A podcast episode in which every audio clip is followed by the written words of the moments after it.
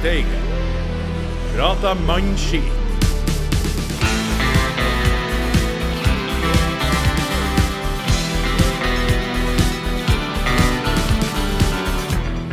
Bodø-Glimt har nok en gang åpna nytt fotballår med å sjokkere en europeisk storhet.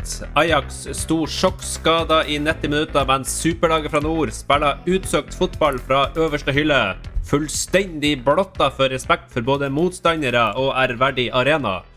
Glimt er bare en magisk kamp på iskaldt kunstgress unna å spille åttendedelsfinale i Conference League, og hele, absolutt hele Fotball-Norge gleder seg. I denne episoden så har jeg fått med meg Glimt i Steigens fremste ekspertise på fotball, nemlig Dewey Blacksmith Hill. Ho, ho. Og André Teit som hans sidekick. Hello. Og vi har to stykk uh, Ja, jeg mener Vi har én stykk som nettopp har kommet fra Amsterdam og skal fortelle oss om supporterlivet. Det er han Koldevin Kodvåg. Ja, hallo. Det skal jeg gjøre. Og velkommen tilbake til deg. Ja, takk. Takk for det. takk for det. det um, forhandlingene med Killingberg eh, er ikke ferdigslutta ennå, så det er bare vent og se hva som skjer der. Men det er i hvert fall helt eh, nydelig å være i gang med tellende fotballkamper. Men før vi begynner å snakke om Europa, Europacupen, så må vi kjapt innom Bodø-Glimt kvinner og en viktig saksopplysning som ble innsendt til oss etter sesongens andre episode, der Sasha Boré tok oss gjennom eh, Bodø-Glimt kvinners uh, nye satsing. Og det er nemlig han Robin Olsen som informerer. Vi var inne på det at det var mange, mange der som hadde kjente etternavn, og så var det jo, var det jo spekulasjoner om Synne Mo var datter av Brede Mo. Men det viser seg at hun ikke er. Hun er nemlig datter av kokken Espen Mo, som eh, tidligere hadde Espens mat på ANTV. Eh, noen av dere som husker Espens mat på ANTV? Nei. Nei, det skal ikke påstå. Ikke?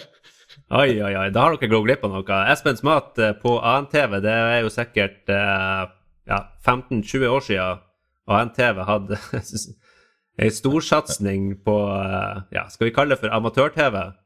Og det var i hvert fall han Espen Moe, en eh, stor eh, og tatovert, sånn som jeg husker det, i hvert fall eh, eh, kokk, som lager deilig mat. Det her så jeg mange timer av, eh, så for meg er han jo en stor kjendis. Eh, men han har også fått ei datter som heter Synne Mo, som spiller på Bodø kvinner. Og ikke nok med det. Synne Mo hun har visst for øvrig ei bestemor ifra Steigen. Oh. Så. Synne Mo hun er altså fette god, og hun er steiværing. Og gjett om jeg har fått en ny favorittspiller på Bodø kvinner. Og Robin han skal selvfølgelig få ølbrikka for denne fantastiske opplysninga. Og for alle dere andre som sitter på flere stayværingtips, så setter vi stor, stor pris på om de når oss. For er det noe vi elsker, så er det stayværinga i gul drakt. Ok, da har vi fått det på plass. Eh, Nå kan vi jo reise noen dager tilbake i tid til denne magiske aftenen i Amsterdam. Eh, Dewey, Blacksmith, Hill, kjør analyse. Analyse. Ja. Jeg er jo helt ute av det her nå, men um, Nei, hva man skal si? Det, det er jo uh, Altså, etter hvert ute i den kampen her, så, så begynte jeg å lure på om jeg levde i en slags uh, alternativ virkelighet. For det var jo helt Det var helt rått å se Glimt. Altså den uh, Og, og, og jeg, jeg, følte spesielt at Glimt var god på en ting som ofte når vi har vært misfornøyd med Glimt ofte, ja, Nå er ikke det så ofte de siste årene, men de gangene det har skjedd, så har ofte ankepunktet vært at vi ikke eller spillerne har sett ut som at de eh, ikke gir alt, eller at eh, vi er tappa for energi, eller osv., osv. Vel, det var i hvert fall ikke problemet mot Ajax, fordi at eh, den gløden og intensiteten i spillet som, som de utviste da, den, den eh, er det lenge siden jeg har sett sist. eh, På samme nivå, i hvert fall. Og eh, Håkon Evjen som spiss, det høres jo kanskje rart ut i utgangspunktet, men dæven, det, det funka jo. Det er jo som en, en litt mindre, men kanskje desto bedre fotballmessig Geir André Herrem. For han, han har nå litt den samme intensiteten i det toppresset som gjør at, at den trioen på topp for Glimt funka egentlig jævelsk bra, selv om vi ikke har noen Runar Espejord eller Kasper Høeg eller eh, Victor Boniface der. Så eh, et, et, et godt trekk som jeg, jeg Altså, når, når sist eh, så vi et sånn type trekk uh, gjort av Knutsen og co.? Jeg, jeg, jeg, lurer på, er det her noe som, som kan være litt sånn Gaute Helstrup-tankegang, eller, eller er det rett og slett bare uh, tilfeldig opppasse? Det kan, kan jo ikke være det, men, men eh, Kan det være nød lærer naken Knutsen å spinne, eller spille spiss? Ja, ja, det kan jo hende. det kan jo hende. Men i så fall så har han jo også funnet, funnet en fantastisk, eh, et fantastisk godt alternativ når man skal spille seriekamper mot lag som er litt lik Ajax i stilen. da. F.eks. Brann. Eh, Jeg tror det her hadde funka som ei kule mot Brann. Eh, jeg prøvde jo også å skru tilbake hodet og prøve å tenke på om hva Håkon og Evjen gjorde i 2019, og da var han jo vel aldri spiss. Eh, men så var det noen som sa at han hadde spilla spiss for AZ på et tidspunkt. Eh, så det, at det ikke var Det er liksom ikke noe Gaute og KK har dratt helt ut av stjerten på egen hånd. Men det har jeg bare kun noen andre sin påstand, og vi, det ble jo så god stemning etter hvert. Det ble sagt mye rart på den puben, så sikkert ikke nødvendigvis stemmer.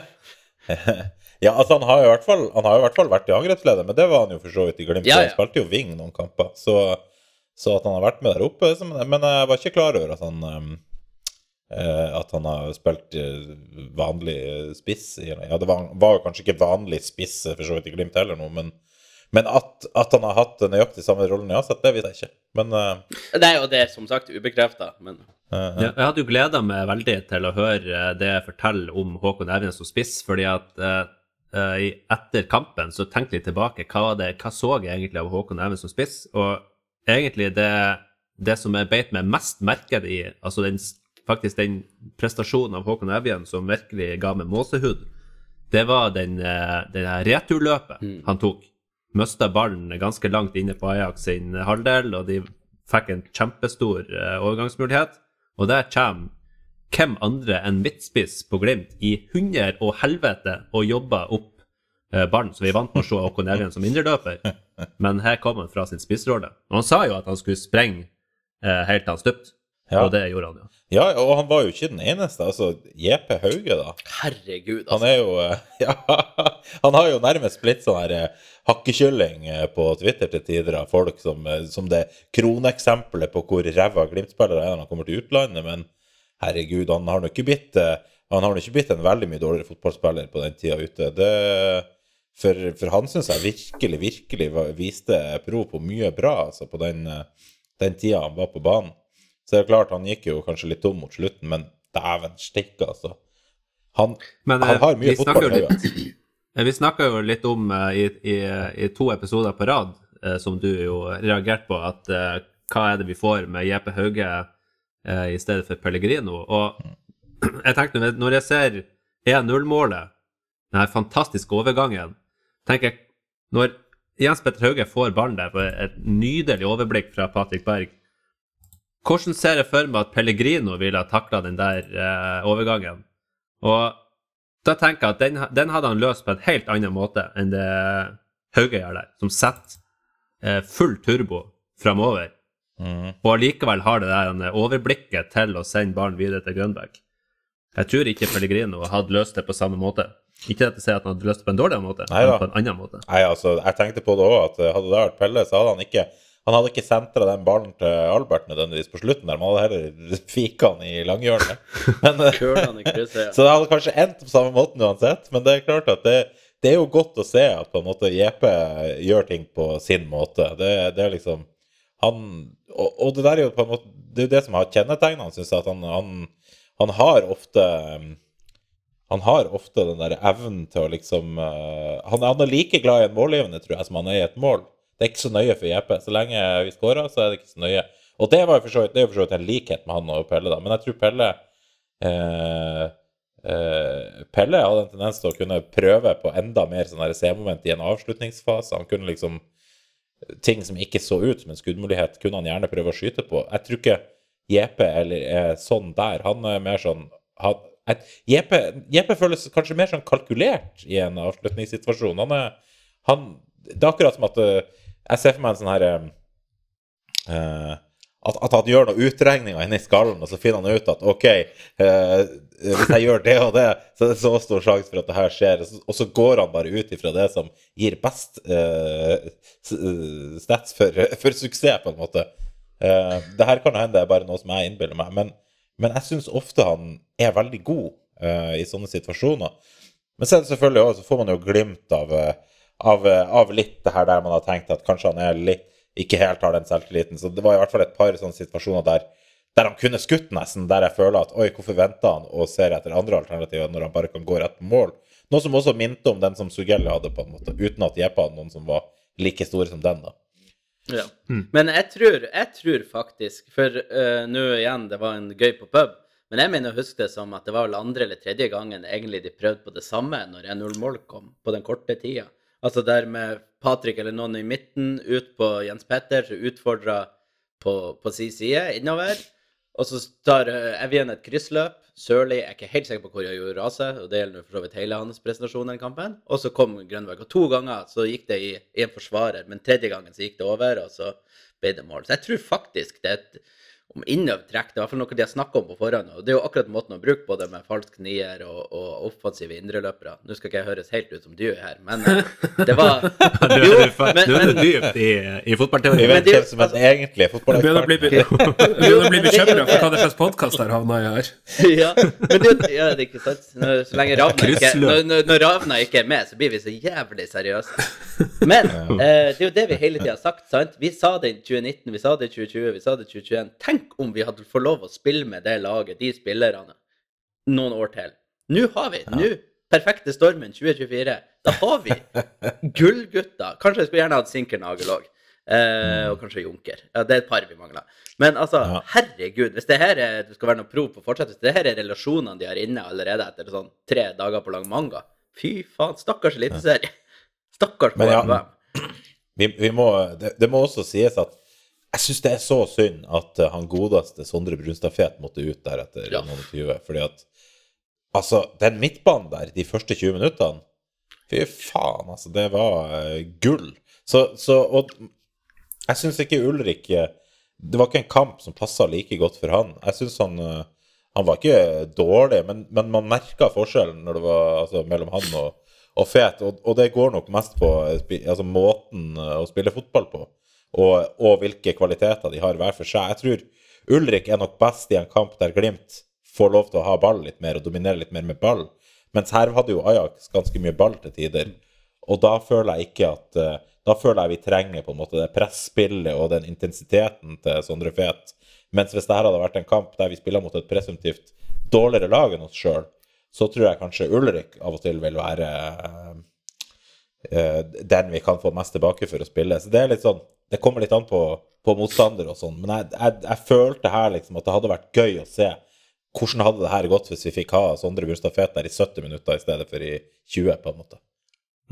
Vi skal, vi skal få lov oss å eh, drodle litt på det laget som kommer til å stille på Aspmyra på torsdag. Men uh, en, en plass det er jo ikke noe snakk om uh, hvem som skal uh, befeste, det er jo keeperplassen. Herregud. Uh, Kjetil Haug, André. Hei, altså, det var jo helt sjukt. Altså, det var jo som å se en litt høyere Nikita. Altså, den tryggheten igjen på sinnssykt kort tid. Jeg, han var jo han var, det var, han var helt trygg med beina. Han, var, han tok kommandoen og var egentlig bedre enn kanskje Nikita pleier å være eh, på innlegg og, og dominere i feltet. Eh, bortsett fra på det aller siste på 2-2, men altså, det var nå en Ja, litt der tror jeg panikken har tatt hele laget litt.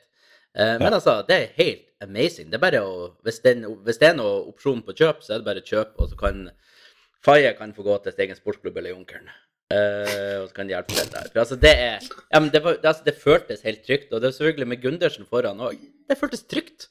Når føltes det sist trygt på bortebane i Europa, liksom? Nei, det var helt sjukt. Ja.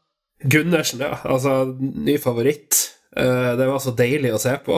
Og det er mange som har sagt det før, at liksom det der greia med å feire når man har fått til eh, og klarert ballen eller noe sånt eh, Jeg hørte det tusen ganger, men dæven, det var nydelig å se på. Og dæven, det var nydelig å se hvor han trøska til og sprang og peisa på der. Det var helt eh, Ja.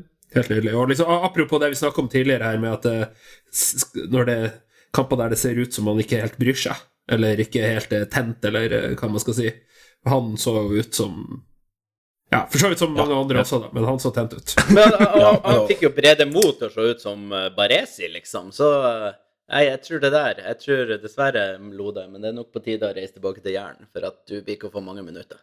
Men eh, altså, Jostein Gundersen i den kampen der, det, var, altså, det, det er sjelden at det, at det blir rørt av eh, fotballspill. Men eh, Jostein Gundersen, eh, debut for eh, Bodø-Glimt, direkte fra Tromsø til Bodø, Altså den debuten på bortebane i Amsterdam. Eh, og det, det jo, jeg har jo hørt på Studio Glimt at eh, de som kan det her, de var bekymra for tempoet hans og opp mot denne er superspissen de hadde på topp. Men altså, snakker om å ha kontroll. Ja. Det her med å stå på riktig eh, side av spissen og liksom eh, alt Det, det virka så jævlig kontrollert at eh, Nei, vet du hva, det, det var nesten så jeg felte en tåre.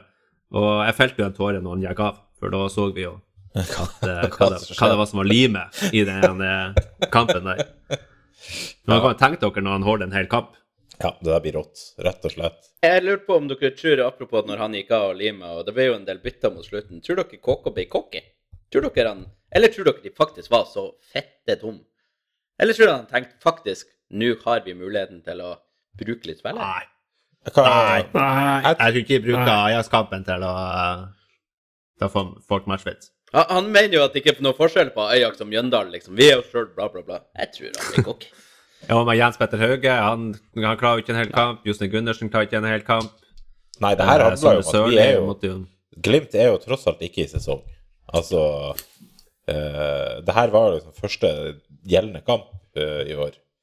Så, så jeg tror det har mer med rett og slett uh, Og så Vi ser jo i treningskamper nå, det er jo nesten ingen som har fått 90 minutter matching. Vi har jo bytta, brukte jo mange av kampene på å bytte hele laget i pausen og sånn. Så og det var jo seint før man begynte å gi noen 60, liksom. Så altså, jeg tror det her er mer enn sånn skadeforebyggende. Altså, Gundersen lå jo nede med krampene. Eh, og så har det jo selvfølgelig vært diskutert tidligere hvor reell, reelt det er når Gundersen har krampe osv. Men uh, Jeg syns jeg så noe strategisk ut, den krampa. jeg synes etter hvert så har jeg liksom kommet dit at jeg har lyst til å la tvilen komme tiltaket til gode.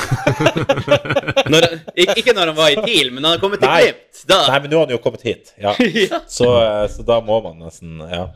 Nei da. Men, men eh, han, altså, med tanke på innsatsen og med tanke på, ja, som man sier det her med oppkjøringa der man har bytta så mye og og sånn så er det helt naturlig, tenker jeg, at, eh, at spillere går tomme, og spesielt kanskje han, som gjorde en såpass uh, solid innsats, uh, holdt på å si. Så, så jeg, tror, jeg tror ikke det har noe å gjøre med at Knutsen tenkte at uh, Nei, nå, nå leder vi 2-0, så da er null sjanse for å rote bort det her. Så.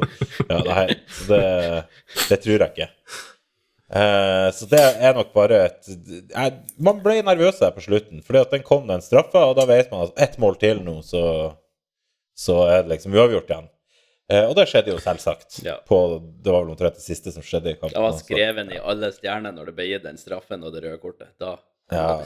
Ah, men det var jo kjipt med det røde kortet, for jeg tror uten det røde kortet så hadde de ikke klart det.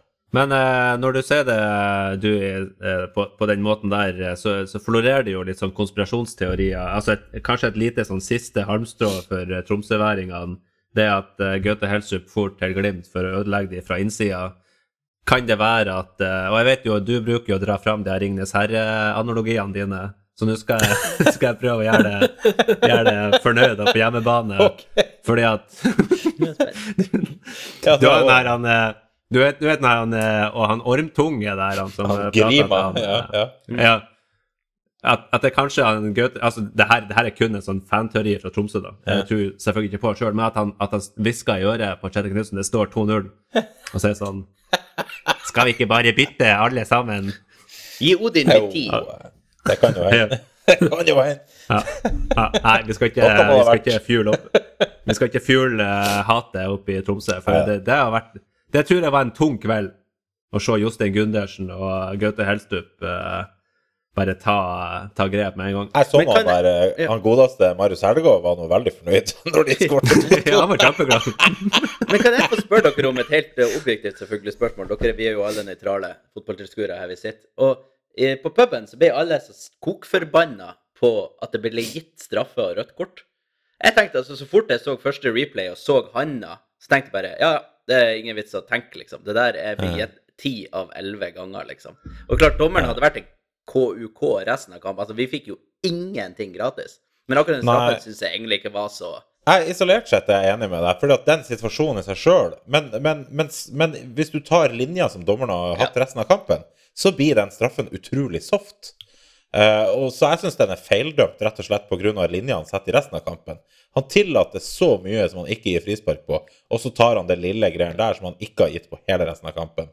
Da blir det, da blir det for dumt, rett og slett. Men så tror jeg jo eh, men, men det at det røde kortet kommer, det er helt greit. fordi at det han dømmer på, er jo holding, og en holding er ikke et ærlig forsøk på å ta ball. Så ja. Det er kanskje kun i Norge det her var en greie, men det var det her at hvis du dømmer straffe, så skal du ikke dømme rødt kort fordi det blir sånn dobbelt straff.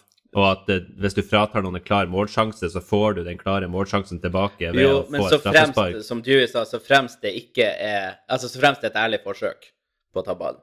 Altså hvis det er ren sabotasje, ren Ja, hands på streken, liksom, så, så er Hvis det Bjørtuft faktisk hadde takla og prøvd å ta ballen, og så hadde han felt han, så hadde han fått bare gult kort, antagelig. Men siden han er her holder han, for det er jo det han gjør, han har jo et grep rundt midja på han, eller hva det er for noe. Eh, og Ja. siden han holder han, så regnes ikke det som et ærlig forsøk på å ta ball.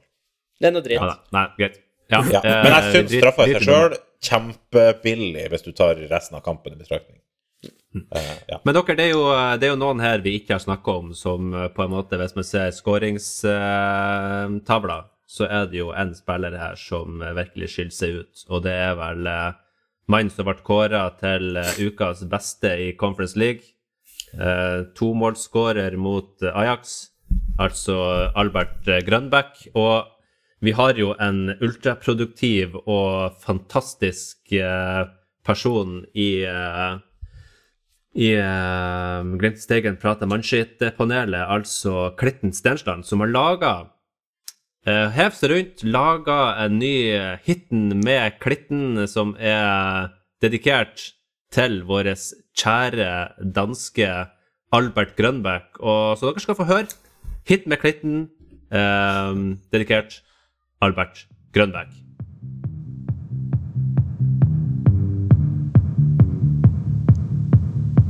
Ser ut som millioner hver 300 minst Han er så god godspinda rundt som levspia i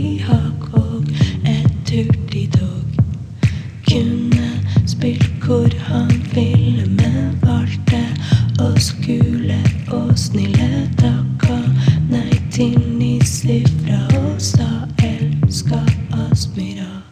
Du ved to strek, rimakke på Grønbekk, men står under svaret. Albert er vår pave. For et vilt dyr formår de til å ta fyr. Hjemmebana er myr, fint av at du spyr. Albert Grønbæk.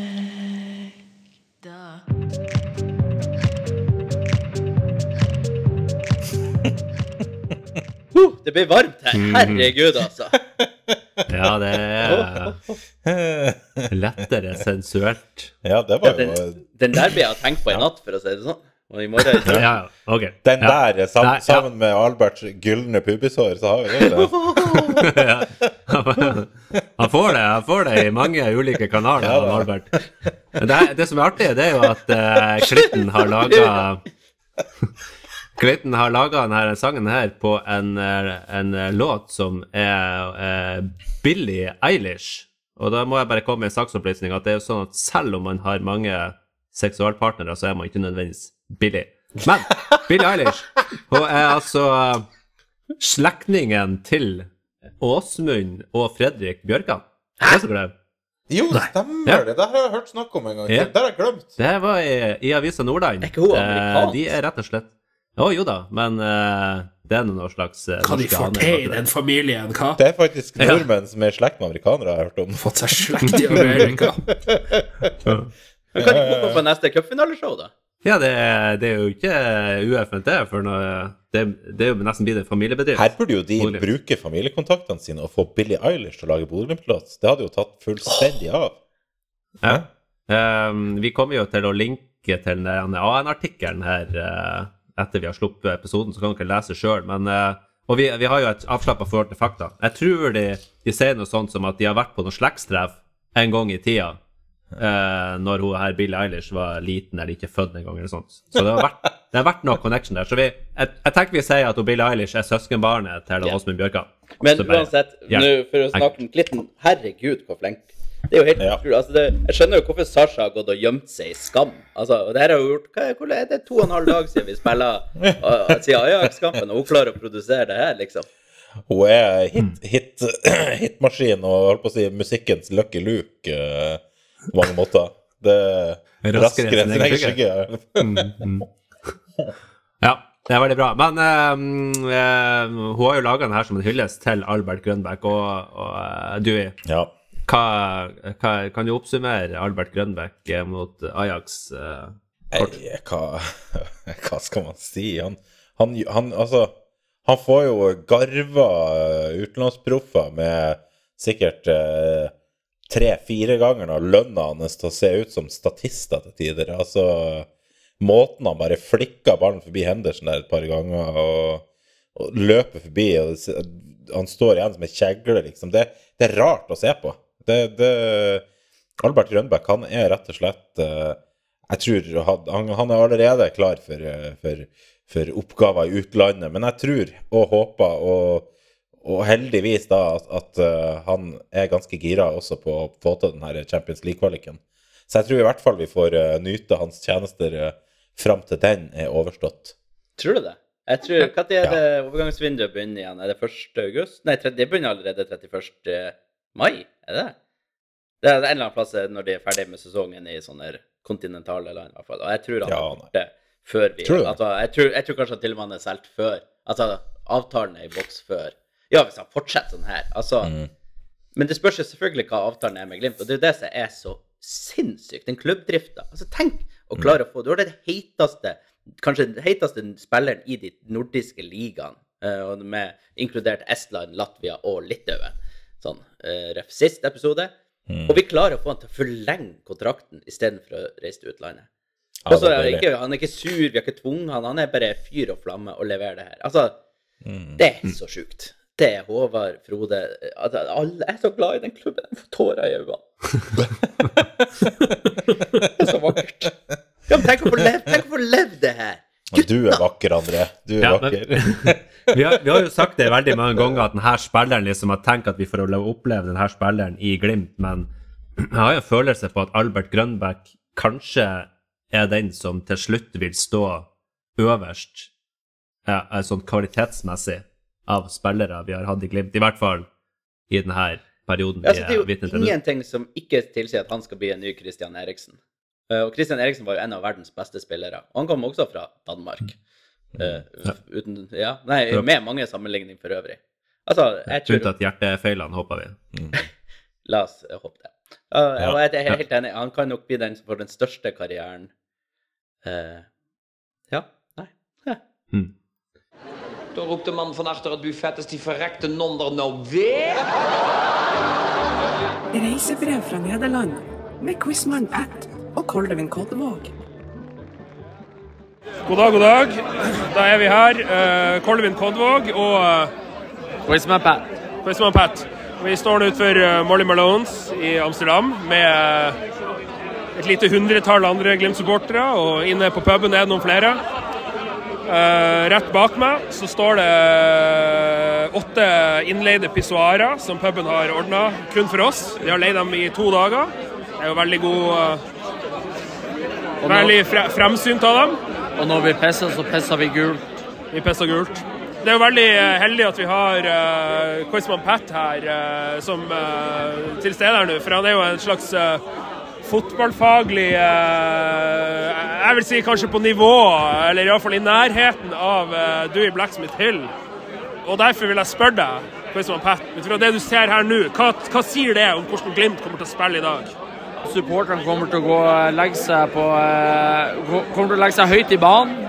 Og så kommer de til å eh, så, så er det jo bare for supporterne å kunne holde trøkket kampen ut. For det, det, det er liksom vanskelig å holde et høyt press hele kampen. Men eh, så får vi håpe at det smitter over på spillerne. Og så vinner vi 3-1. Og Kapskar kommer til å skåre to mål i dag. Ja, Spådommen er jo at eh, eh, Evjen kommer til å skåre første målet. Ja. Og så Det blir det utligna av Ajax rett etterpå. Og så blir det pause og bytte. Kapskar må komme på, skårer to mål. Det er helt korrekt. Nå får vi litt stemning her. Ja, Nå tror jeg det skal synges litt, så da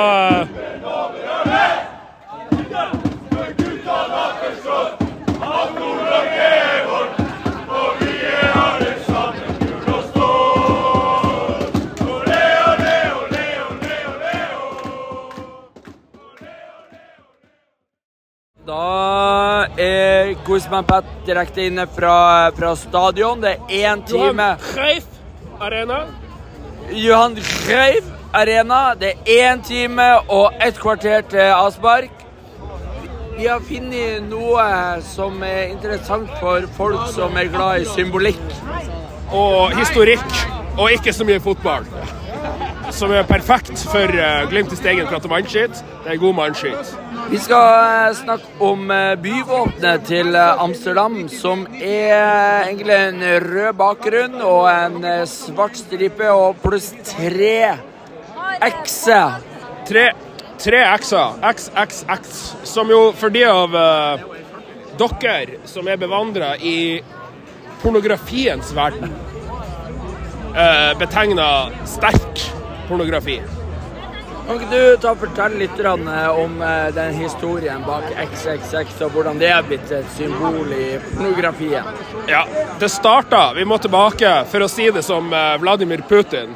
Vi må tilbake til den spanske tronfølgekrigen. eh, den gang Nederland fortsatt var en del av Spania. Og eh, nederlenderne prøvde å bryte seg fri fra Spania. Og da kom jo spanjolene opp med soldater og beleira mange byer i eh, Nederland, deriblant Amsterdam. Og så sneik det seg ut på natta, beleirerne, og tegna store kryss på bymurene i Amsterdam. Altså, det her, er- Nå snakker vi ikke om de, de bymurene som vi kjenner i dag, men de gamle sildemurene. De som skulle beskytte Amsterdam mot silderøydere. Og da kryssa de opp tre store kryss i hvitt på murene, sånn at de skulle kunne sikte inn sine kanoner på sildemura. Det er fascinerende. Det er fascinerende. Er det øyenåpnende? Det er det. fordi- Får du, får du åpna ditt indre og tredje øye? Ja, og eh, ja, det, der er det alltid åpent. Hvis du drar til Amsterdam, du kjære lytter, drar til Amsterdam f.eks. for å uh, røyke hasj eh, og kjøpe tjenester fra prostituerte, så vil du se de her X-ene overalt. Så jeg vil bare at du skal vite det. At det her stammer tilbake til sildemurene, eh, og at spanjolene skulle prøve å bombardere de sønder og sammen. Dette er jo også symbolikk som eh, alle andre supportere som ikke reiser til Amsterdam, også ser når de er på Google. Nettopp. Internett er full av X-er. Kort, kortversjonen er at eh, det, de selger øl på stadion, og det er en time igjen til kamp. Over og ut. Takk. Men eh, skal vi begynne oss å se litt fremover nå? Nå er det jo en kamp på torsdag. Ajax kommer til, til eh, Aspmyra, og vi hørte Jordan Henderson sa i i intervjuet etterpå at man hørte at det var kaldt, og at det er kunstgress. Og det er jo to ting som eh, stemmer eh, veldig godt. Det blir ikke så kaldt Nei, på torsdagen. Det er jo- Ja, da, vi er faktisk på, på plussida. Jeg uttalte Sånn meg jo litt uh, ufordelaktig om å gå til Jordan Henderson sist gang jeg var med i pod. Mm, men jeg må si at jeg likte det intervjuet der etter kampen, der han også ble spurt om uh, For ja. han var jo borte og, og skubba litt i eh, Grønbæk der. Mm. Og, så, og det konfronterte de han med i intervjuet. Så spør de liksom hva var greia med deg og Grønbæk der, og så, og så du virka litt irritert. og så sier Henderson bare med et smil om kjeften, liksom, så sier han liksom at eh, jeg er alltid irritert. jeg syns den var litt fin. Ja, den var Han det, har erfaring, så det holder. Så eh, han, Ja. han tar det Jeg tror ikke det er mye han tar personlig ut på den fotballbanen. Men det er jo, eh, angående han, så var det jo litt usikkerhetsmomentet om at eh, han visstnok ikke spiller på kunstgress. Men nå vil det jo Nå tenker jeg jo at det vil jo være et tegn på hvor hardt eh, har Ajax lyst å vinne denne kampen. Eh, hviler de Henderson for å spare føttene hans. Ok, kanskje de da ikke tar det her så veldig tungt. Stiller de med Henderson fra start, så må jo det være et tegn på at det her tar de eh, blodig seriøst. Ja. Eller? Ja, Ja, man skulle jo tro det, men- Herregud. Det er jo, altså, en annen ting er jo at, at, eh, at i den nederlandske ligaen ja, Nå vet ikke jeg om de har fjerna alle de her kunstgressbanene sine ennå, men eh, det var snakk om at de skulle gjøre det nå. Men, eh, men eh, det har jo tradisjonelt sett alltid vært noen lag i Nederland som også har spilt på kunstgress, sånn at det er liksom ikke like fremmed for nederlendere som det er for eh, engelskmenn, på en måte. Eh, Så jeg tror um, Jeg tror på en måte ikke den kunstgressfordelen kanskje er like stor i forhold til et nederlandsk lag som den uh, ville vært i forhold til mange andre. Men samtidig, det er, det er Bodø, det er forhåpentligvis noen få plussgrader, det er godt vanna kunstgress. Det kommer til å gå fort, og det kommer til å gå på fot, og jeg tror Ajax, Ajax skal få slite, altså. Nå er, det jo, eh, nå er det jo en fordel, kanskje er det en fordel Glimt at vi ikke er i sesong, fordi at uh, nå har jo Ajax De måtte jo spille kamp på søndag, Uh, seriekamp. Det endte jo med at de spiller 2-2 etter at de slapp inn mål fem minutter på overtid. Hørt det før, eller? Det var sju Eh, Ja, ja men eh, Ajax skåra Ja, ja, fem. Men eh, så var det jo en Ajax-supporter som, eh, som tok kontakt og, og spurte er det virkelig sant at dere ikke har kamp i helga. Eh, og da, da tror jeg at de liksom lurer på om det kanskje var en fordel, eh, fordel eh, Glimt. Er det det? Om det er en fordel Glimt at vi ikke har kamp i helga? Ja. Og at Ajax må spille. Det kan jo være det. Det kommer jo helt an på Det kommer jo an på om de slapper unna skade og sånne ting. Altså, det er jo det som er den største greia. Jeg tror de har eh, rullert en del på laget, ser det ut til. Ja, da de satte nå ut den der kuken som skåra den lobben helt på overtid mot Glimt. Berghuis. Han eller hvila visstnok. Jeg vet ikke hvordan du uttaler det. Berghaus. Berghaus, Eller ja. Berghois, eller ja. Hois. Ja, Ja. et eller annet. Eh, Ja. ja, nei, han er jo ganske god, da. Så, men selv, jeg syns han var ganske anonym i den kampen da, mot Glimt, frem til han plutselig, langt på overtid, eh, fant ut han skulle ta en pelleverdig chip. Men um, Men Ja, eh, det ja. er ting som kan tyde på at han kommer til å spille. Ja. Nei, de har faktisk Ja, ikke rotert så mye for laget, bortsett fra det. Så de spiller med et ganske greit lag. Uh, og jeg føler jo altså, Hadde vi hatt med oss 2-0, så kunne vi ha Vi skal ikke stilt med juniorene, men da har jeg, da har jeg ikke vært nervøs. Eh, Nå er jeg veldig, veldig Hvis Ajax skårer det første målet, så dryker vi ut. Skårer vi det første målet, så tror jeg den Aspmyra-bølgen som vi har sett sånn som mot Roma og Besjiktas og sånn, da tror jeg vi har det. Så eh, de kan- det første målet blir veldig viktig. Nå er jeg fotballproffen. Nei, Nå skal, nå, skal jeg, nå skal jeg si at jeg tror, det, jeg tror ikke det trenger å stemme i det hele tatt. Jeg tror Ajax kan fint skåre det første målet. Jeg tror fortsatt vi kan vinne.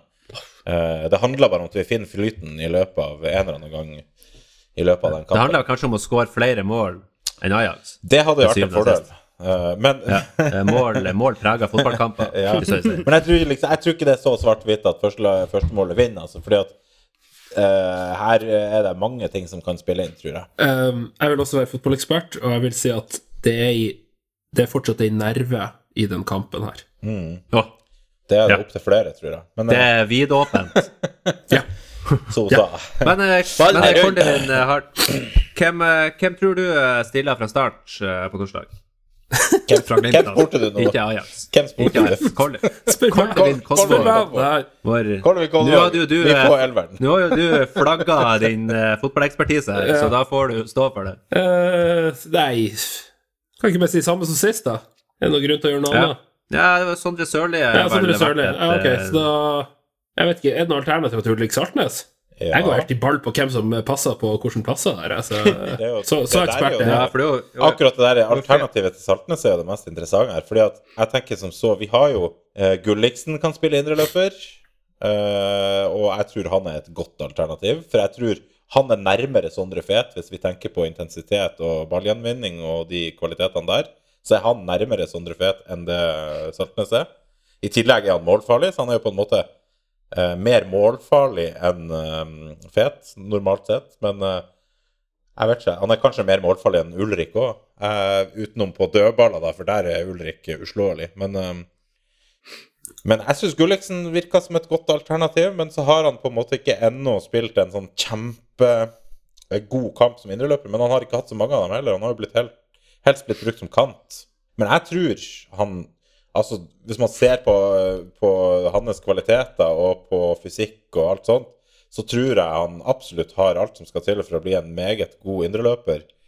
Eh, kanskje mer enn i vingposisjon, syns jeg. Så jeg, jeg, det hadde vært kult å sette han der.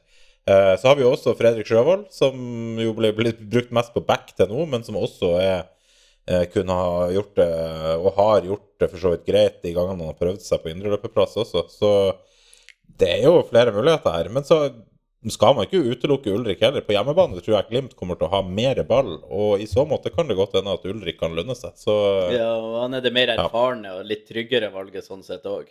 Ja. ja. Jeg skulle bare si at det var, det var akkurat det, det du der sa, det var det jeg skulle til å si. Uh, fotballeksperten Kolden Kodvåg har talt. Takk. Eh, og så er det jo altså, Det er jo selvfølgelig også en annen sjanse at vi starter med noen andre på topp og flytta Evjen ned.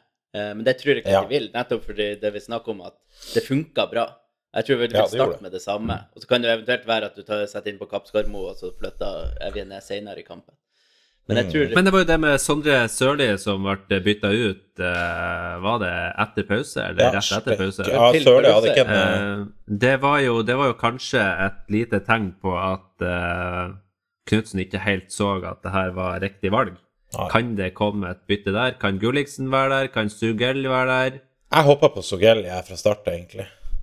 Uh, selv om han ikke har vært helt uh, sånn i fyr og flamme de siste gangene han har prøvd seg, så, så, så må han få tillit over tid. Og jeg tror jo han er den som har soleklart best forutsetninger for å få til noe på den vingen der. Sånn, så hvis, jeg, hvis jeg skulle ha valgt av de alternativene vi har på vingplass, så mener jeg at Sugell absolutt er den vi som burde bli satsa på der. Men um, For det var Altså, jeg syns jo Sørli ofte har vært sånn poengspiller. Han, han kommer ofte til gode målsjanser, har gode uh, målgivende pasninger av og til. Men den kamp, forrige kampen var jo ikke noe som gjorde at jeg syns han fortjener nødvendigvis å starte den kampen eh, på Aspmyra. Men uh, så, så for min del så, så, så jeg Ja, min stemme går til Sogel der. Ja. Ja, Yep. vi får eh, sende videre til Kjetil Knutsen, eh, så får han eh, gjøre hva han vil med det tipset der. ja. Ja, nei, men det er jo ingenting annet egentlig vi kan gjøre. Nå har vi jo synsa oss ferdig, tror jeg, med ting vi ikke kan noe om. Så får jo heller ekspertene, dvs. Si Kjetil Knutsen og Grøthe Helstrup og teamet rundt, gjøre det de kan best. Så da er det jo bare å si lykke til, eh, Bodø-Glimt. Vi gleder oss til åttendedelsfinale. Det her blir enkelt og lett. Eh, Får vi noen kjappe eh, gjett på stillinga på kampen på torsdag? Koldevin, du kan jo få lov oss å starte. 3-0 til Glimt. Oi. Tre. Sa du 3-0? 3-0. Ok. Ja, du Im? Jeg vet ikke hvorfor, men jeg har lyst til å si 5-1. 5-1 5-1, ja. til Glimt? Ja, og da Ajax tar ledelsen 1-0. Men det blir 5-1 til Glimt. Shit. Ja, ja. Ja, André? Jeg tror på en knepen 2-1. Vi leda 2-0, så skåra Ajax etter 80, og så blir det et helvete de siste 15 10-15. Ja, jeg er faktisk eh, enig med det der, André, at det er 2-1. Ikke sikker på at eh, Jeg tror kanskje Ajax eh, enten skårer først eller utligner til 1-1, men at Glimt tar det til slutt. Men ja, men det var jo et superoptimistisk panel, i hvert fall, så det her kan jo ikke gå galt. Jeg tror vi tapper. Okay. Jeg tror vi tapper 4-0. Ja, Ja. der fikk vi realismen. Ja. Helt på tappen. Kan u mij misschien ook zeggen hoe laat de volgende trein naar Den Haag gaat, conducteur? I mellomtida, i Amsterdam, At nå er vi her på stadion. Det er ti minutter til kampstart. Hva sa du nettopp nå? Kroppen min er full, men hodet mitt sharp as a tiger. Ja, godt folk. Hva mer trenger vi enn det? Nå er det kamp. 3-1. 1-3. 1-3. 1-3.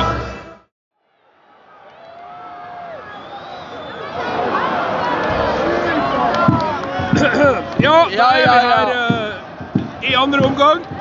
Vi leder i Amsterdam. Vi leder. leder i Amsterdam. De her jævla sildefiskerne vet ikke hva som har truffet dem.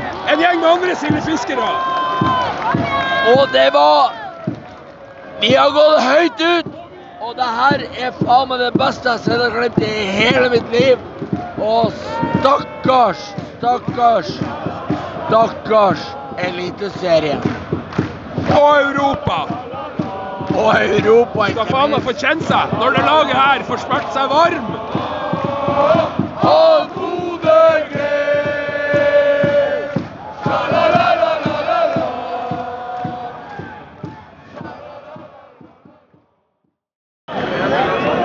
våkna nettopp hjemmesupporterne til live her i eh, det 72. minutt. Men de er misfornøyd. Og grunnen til det er at en Glimt-spiller som blir nede og har litt vondt. Kim sier at de har det trasig. De har det trasig. Nederland, æresdivisjon. Jeg kaller det for skjenselsdivisjon. Men, men 0-2. Det verste resultatet vi kan ha før et hjemmemøte. Så det du sier er at Oskar Kapskarmo må komme inn og putte et par til? Ja, det må Kapskar. Kapskarmo må komme inn og putte.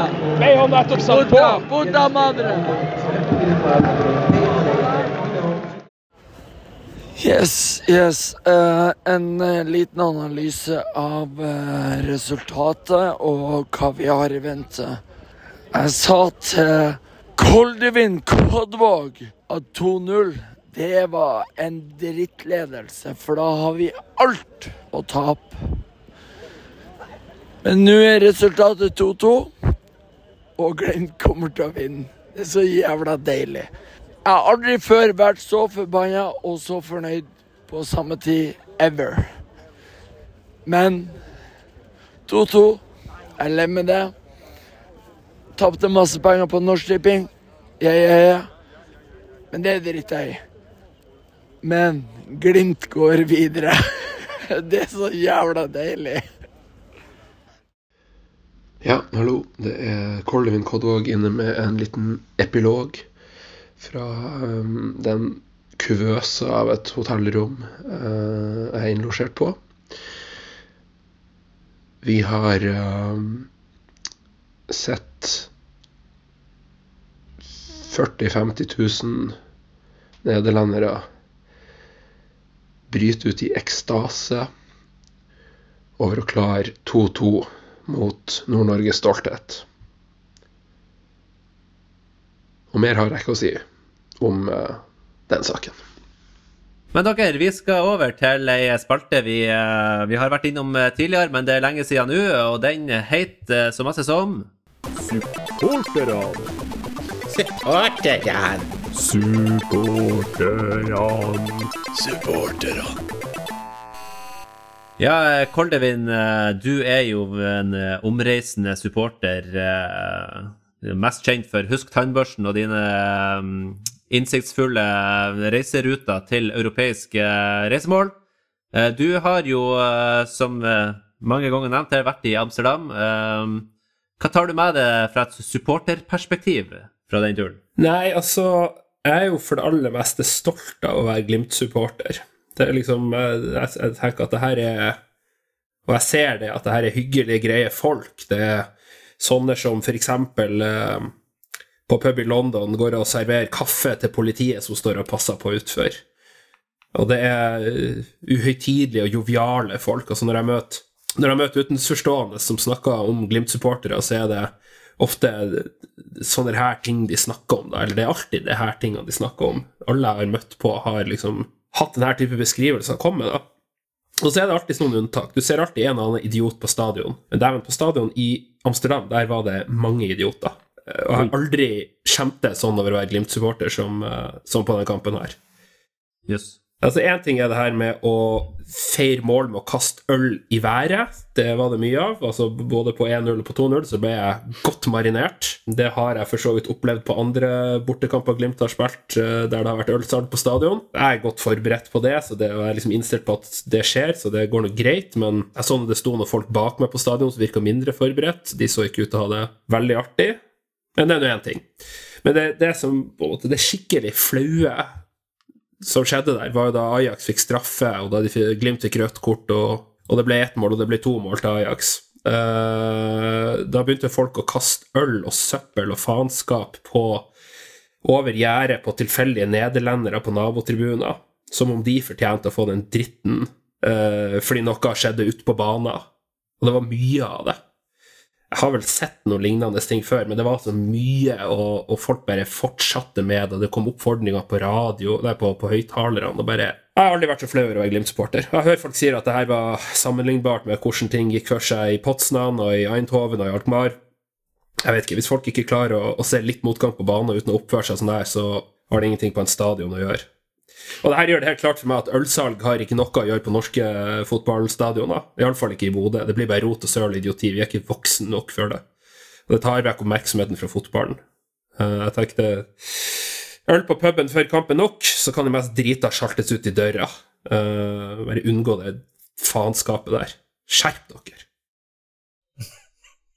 Ja, det var eh, sterke ord, og eh, nå skulle jo egentlig Ravna ha vært her og forsvart seg. For han er, han er jo Selv om det ikke er ølsalg på stadion, så drikker han jo allikevel. Eh, Så det hadde vært artig å høre hva han Men han ligger jo dessverre og sover i innspillende stund, så kan jo folk legge sammen to og to, sikkert. Um, Jeg er mer sånn, altså Jeg vet ikke om jeg ville tatt det som et argument for at ølsalg burde vært ulovlig. Det er vel mer det at nordmenn må lære seg å oppføre seg. Er det ikke mer det? Altså Altså, det er jo helt forkastelig. Uh, I Tyskland, som jo har den beste tribunekulturen i, i verden, i hvert fall i fotball-Europa, så sier man jo at uh, is kein Verbrechen. Men det handler jo om at Oi. du skal dusje Ja da, takk for fin uttale. Takk, Gulbrandsen. Uh, det, dusje deg sjøl og dine medsupportere i gledesrus, det er akseptabelt. Eller akseptabelt. Jo, det er akseptabelt. Altså, det er en del av gamet. Men det der du nevner om å kaste ned, det er så forkastelig. Eh, og da lurer jeg jo litt på om det var det ingen store, sterke eller små, sinte menn og kvinner som kunne drive med litt intern eh, disiplin? Vil jo fort bli ropa opp. Jeg så jo masse kasting, men jeg så aldri helt sikkert hvem det Hvem var som kasta. Eh, jeg sto og ropte og skreik litt i generelt den retninga der det kom ting fra. Eh, Det kom noen ukvemsord. Men du står på en måte og roper til 100 Og det personer. kan være så ja, det, ubehagelig. Men det var ingenting av det i Brygge. Og i Brygge sto vi jo også ett hakk over eh, hjemmesportene. Og det var ølservering. Og det gikk hell til dårlig sportslig. Men det er mulig folk at tenninga ikke var den samme, siden det var litt en sånn bonuskamp. Jeg, la, jeg, jeg så ikke noe sånt i Brygge. Nei, det, var, det, var, det var litt, men det var ikke mye, altså. Men jeg kom på en ting nå. Nå kom jeg på Det er jo et kjempeargument for å avskaffe VAR. For dæven, du må føle deg bra teit.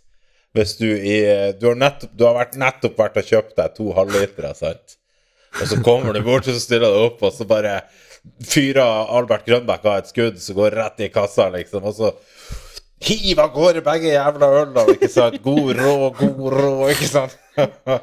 og, og koser deg, ikke sant, i 30 sekunder, og så plutselig så kommer det opp eh, en sånn beskjed på banen om at eh, var check. og, så, og så blir målet annullert, og så har du bare kasta vekk to øl. Ingen er happy, ikke sant? De som fikk det i hodet, er ikke happy. Du er ikke happy. Altså og så det er ikke avskaff alkohol, men avskaff var. Avskaff var, ja, det er jeg med på den. Ja.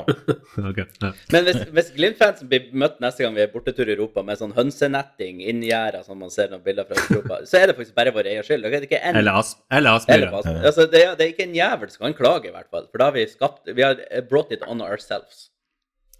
Men det har jo, eh, det, det har vært, det har jo vært noe sånn tilløp til idioti. eh, Det var vel mot uh, Alkmaar, at man kasta noe øl ned på, eh, på banen og sånt. Og da har det alltid kommet fram at det var søringer. Det er bare sånn fotballturister som har hengt seg på Glimt sin suksess. Det var noen søringer, vi har tatt tak i det, det du vet hvordan de er. Alltid godt å ha noe Men, skyld på eh, ja, men, men sier du nå, Koldevin, at, eh, at vi kan ikke skylde på søringer lenger? Hørte du det- Eh, Det er jo et veldig, veldig sterkt argument du kommer med her. Jeg kan ikke, jeg har ingen, jeg kan ikke motbevise at det du sier, er sant. Eh, Så Yeah, don't assume, nordlending. Det er vel rimelig å anta at de som heiv øl, eh, opprinnelig var- kom fra Østlandet, antar jeg. Ja. ja, det tror jeg vi kan si. Ja, det må vi kunne anta. Hvis, Så ja. alt det jeg sa, jeg trekker det tilbake. Uh, eh, Søringa, ikke bli med på Glimt-kamp. Vi må innføre en Eh, dialekttest på vei inn på bortefeltet.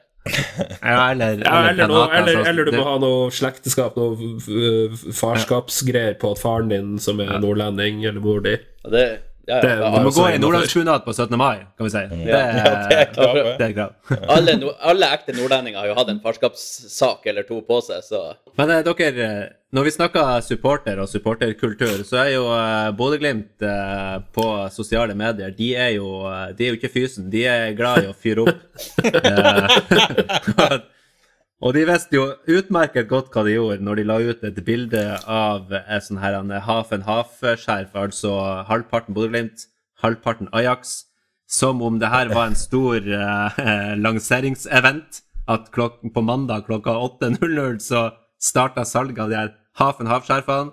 Og for de som ikke er bevandra i Twitters eh, eh, kranglekultur, så er altså half-skjerf sett på som det aller grusomste, verste i hele verden. Spesielt hvis det har noe med Glimt å gjøre.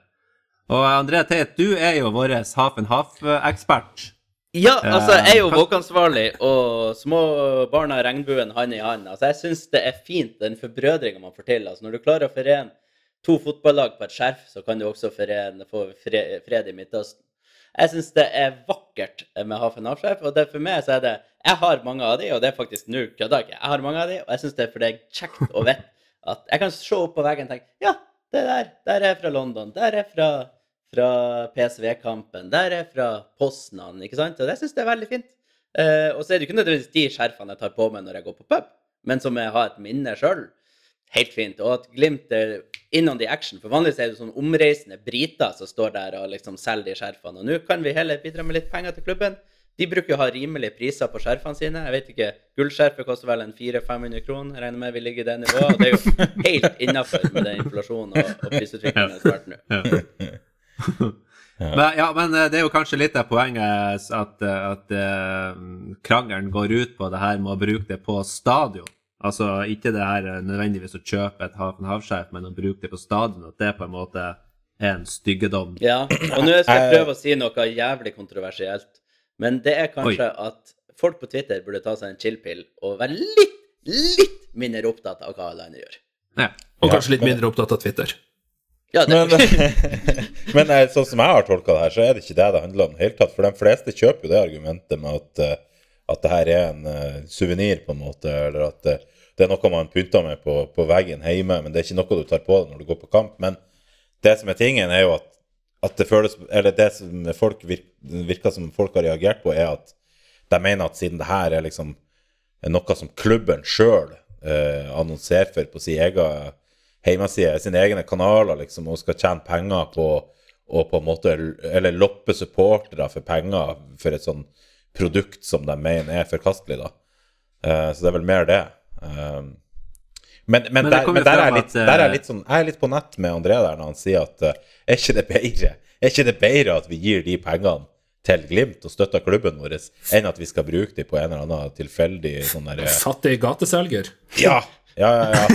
Det får nå være måte Ja, på. all del. Mer penger til Glimt. eh, Det der eh, Mindre 300 millioners omsetningsopplegget. Ja, og Nei, men eh, det, det, kom vel fram i en saksopplysning at det her var ting som Uefa sjøl trykker opp og delegerer ut til klubbene. Det her er egentlig et Uefa-produkt som klubbene får og får lov å selge. For jeg så jo på eh, tribuner i Amsterdam, så var det veldig mange folk som satt på langsidene der med Hafen havskjerf med Bodø-Glimt på. Og det syns jo jeg var altså, veldig artig å se Ajax-supportere som sitter med Glimt-skjerf rundt eh, halsen. Men det her er altså ikke Glimt sjøl, tror jeg, da, eh, som har tatt initiativ til å lage de skjerfene. Men de har fått de og kan selge Men da trekker jeg tilbake alt, for at alt Uefa står bak, er jo styggedom og helvete. Så Uefa Mafia out. Ja, der er jeg enig. Der er, der er jeg enig. Er det for mange søringer i Uefa? Ja, det, det kan vi si med sikkerhet at det er altfor mange Ja. søringer. Er. Definitivt. Nei, men en artig greie er at det var, det var en Ajax-supporter som skal reise oppover til Bodø på sitt livs eh, bortetur, som, eh, som sendte melding og spurte eh, hvordan i alle dager kan jeg få tak i de her skjerfene? Hvor i Bodø selges de? Så eh, det skal ikke se bort fra at de her blir utsolgt, også til Ajax-supportere på tur. Men det er jo det er, når vi snakker liksom om at ja, Glimt ødelegger altså Vi har ingen klubbkultur, ingen supporterkultur, og ødelegger det her så typisk Bodø-Glimt. Uh, husker dere hva som skjedde etter 6-1-kampen uh, mot Roma? Dagen etterpå? Glimt-shoppen på Aspmyra var tjåkfull av Roma-supportere. Og det her er jo ikke bare Det her er jo ikke stemningsturister. Det her er jo folk som reiser uh, med laget sitt eh, rundt hele Europa, og nå i Bodø. Og de kommer til Glimt-shoppen. De har blitt banka gul og blå, eller gul, um, og skal kjøpe Glimt-effekter. Ja. Altså, ja, eh, vis meg den her han, eh, eh, RBK-kuken på Twitter som tør å gå til en Roma-supporter og si at du ødelegger eh, supporterkulturen ved å fære og kjøpe andre lag sine supportereffekter. Ja, Så det her er jo it it it it italiensk fotball og italienske fotballsupportere, det er jo fasit. Ja, det er fasit. Ja. Det er ekte. Så De, de som har Det er- rett, Her vet jeg ingenting om. ja, tar den andre tar feil. ja, ja. Jeg kan jo trekke fra det her knivdrapene og alt det her eh, Men akkurat det her med å gå i, Og nazi i motstand nazisme og fascisme og Ja, Mussolini og hele greia der. Ja. Ja. Det kan vi trekke fra. Men, eh, ørne, ørne, ørnefolk på stadion. Ja, ja. ja. Ja. Lazio-supportere og sånt. dritt. Ja, Roma har vært Men, eh, ministeren oppi alt det her, så nå fikk du skylda for mye rart. Nei, Ja, jeg, Men eh, ja. Var det ikke det? Kan vi, jeg tror de er fascister alle sammen. Her ble litt mye politikk for min del. Uh, kan vi pense inn på noe annet? ja. Det var en Når vi snakker om supportere og andre lag, uh, så dere uh, kampen Molde mot Legia Warszawa? Så andre omgangen. På den tribunen var det ikke mange supportere. Eh, det var vel ikke halvfull stadion engang. Eh, Molde spiller eh, playoff til åttendedelsfinale i Conference League. Ja, og jeg tror faktisk det var, kan være noe av grunnen til at det gikk sånn som det gikk i andre omgangen. Nå så jeg ikke første omgang, men jeg hørte Ja. det var jævlig god. Og de leda jo 3-0 etter hva det var 20 minutter. Hvis Glimt har leda 3-0 etter 20 minutter, så vil bare Aspmyra ha løfta det laget inn til 6-1. Det er helt sikker på. Ja. Men eh, jeg, så, jeg så i den kampen, og det Legia Warszawa det var jo helt åpenbart et arbeidsuhell i første omgang. For når de kom ut i andre omgang, så visste de jo at her var det jo ganske god forskjell på lagene. Vi har jo litt eh, erfaring med å møte Legia Warszawa i andre kamp, har vi ikke det? Jo, men det var på sommeren. Da var det varmt. Ja, og Brede Mo hadde Ja, ja. Det var jo 40 grader Men, eh, i Warszawa. Men du, tror du at Molde kommer videre i lag med Glimt? Ja, ja, de kommer til å knø Warszawa, det er jeg ganske sikker på. De eh, Tror du det? Ja, det tror jeg.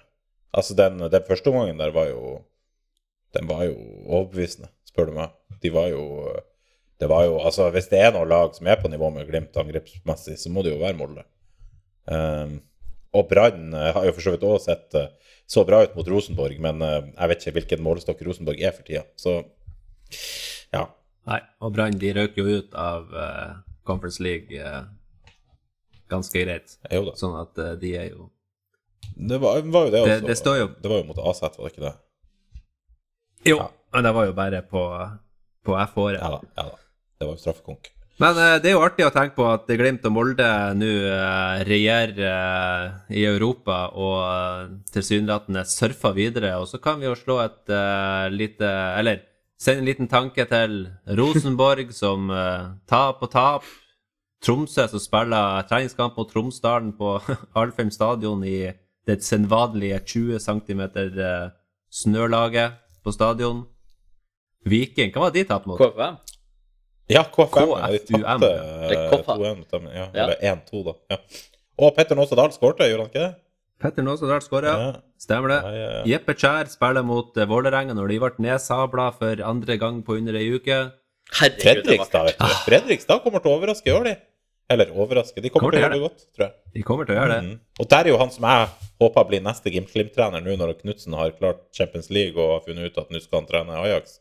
Så tror jeg kanskje han Fredrikstad-treneren er, er et hett tips. Ja, ja nå, nå glemte jeg nesten av eh, Gaute Helstrup, men han skal kanskje òg være med til Ajax. Ja, men eh, ja. Ja, men nå skal vi ha to likeverdige eh, supertrenere, så hvis Knutsen forlater, så blir det jo kanskje Helstrup og han her karen, som jo har slått Kjetil Knutsen i Europa tidligere. Med Klaksvik, eh, I sin klubb Ja. eh, Klaksvik. Ja. Mm. Så nei da. Alt er, alt er tilrettelagt og uh, i orden for at Bodø-Glimt skal regjere hele 2020-tallet. Men uh, folkens, Nå tror jeg at vi skal bare sette kursen uh, mot Aspmyra. Vi skal gjøre oss klar for en heidundrende festaften mot Ajax, der Glimt går videre og sikra europaspill også inn i mars måned. Og med det så kan vi vel bare si de to nydelige ordene Heia Glimt! Heia Glimt!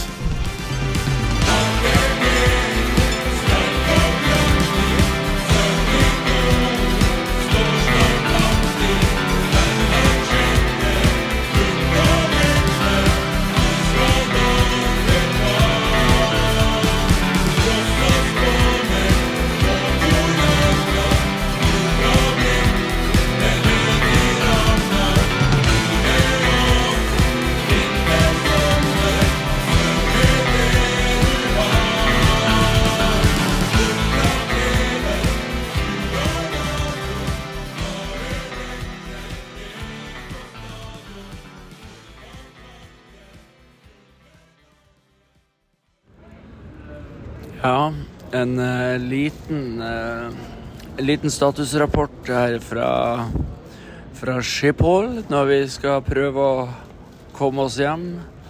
Pat og Koldevin. Eh, men det har skjedd veldig mye, mye artig den siste halvtimen.